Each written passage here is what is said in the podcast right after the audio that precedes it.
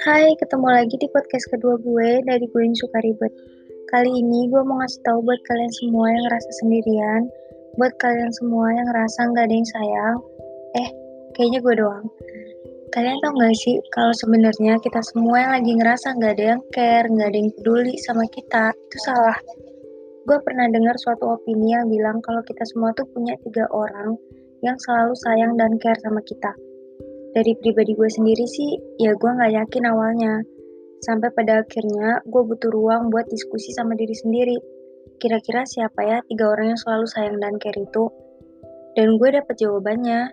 Di situ semangat gue tuh tiba-tiba kayak ada lagi, muncul lagi. Jadi sekarang buat kalian yang lagi ada di situasi kayak gitu, kalian bisa coba deh kasih ruang sendiri buat diri kalian dan diskusiin soal tiga orang itu.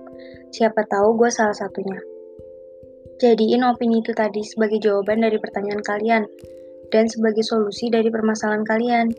Sekali lagi gue kasih tahu, sesedih apa pun kalian, kalian gak sendirian. Kalau kesepian, bisa message ke podcast gue dan ceritain apa yang kalian rasain. Segini aja deh, semoga berhasil.